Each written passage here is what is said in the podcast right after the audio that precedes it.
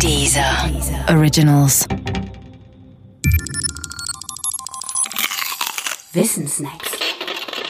Klaas Störtebecker. Klaas Störtebecker hatte einen Beruf, von dem viele Kinder träumen, wenn sie nicht gerade an Polizisten oder Feuerwehrmänner und Feuerwehrfrauen denken. Störtebecker war Seeräuber. Aber Seeräuber ist nicht gleich Seeräuber. Mancher Seeräuber ist ein Pirat, manch anderer ein Kaperer. Piraterie und Kaperei sind nicht dasselbe. Gemeinsam ist ihnen zwar der Überfall und die Vernichtung fremder Schiffe auf dem Meer, aber nur Kaperer stehen im Dienst einer staatlichen Macht. Sie werden regelrecht von ihr angeheuert, erhalten zwar keinen Sold, dafür aber die Beute der fremden Schiffe. Dafür wird ihnen sogar ein sogenannter Kaperbrief ausgestellt.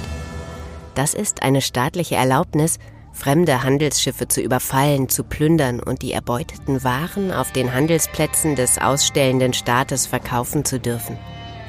Störtebecker war ein solcher Kaperer. Er lebte etwa von 1360 bis 1401. Gekämpft hat er für die Schweden im Konflikt mit den Dänen, also vor allem in der Ostsee. Doch er überfiel nicht nur dänische Schiffe, sondern auch Schiffe der Hanse, als Auftragsarbeit gewissermaßen. Und die Hanse sollte ihm zum Verhängnis werden.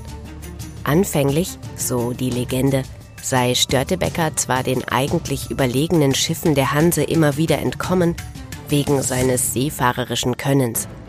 Doch am 22. April 1401 wurde er schließlich doch gefasst und noch im Oktober desselben Jahres enthauptet. Störtebecker ist heute vor allem legendär nicht wegen seiner Taten, sondern wegen des Störtebecker Schatzes. Um den ranken sich viele Erzählungen. Störtebecker gehörte nämlich den Vitalienbrüdern an. Das ist eine Bruderschaft von Kaperern, von der es heißt, sie habe einen Schatz versteckt. Und da Störtebecker diese Bruderschaft anführte, vermutete man auch immer, dass er wisse, wo der Schatz verborgen war. Ob ein solcher Schatz aber wirklich existiert, darf bezweifelt werden. Denn gefunden hat man ihn natürlich auch bis heute nicht. Pirates.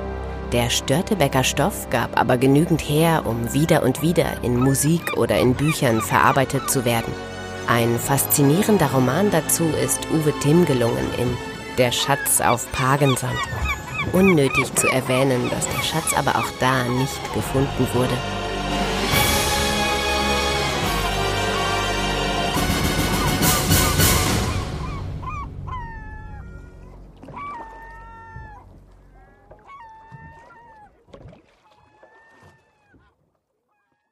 Der Podcast gefällt dir? Höre weitere dieser Originals, Podcasts, Musik und Hörbücher kostenlos auf www.dieser.com.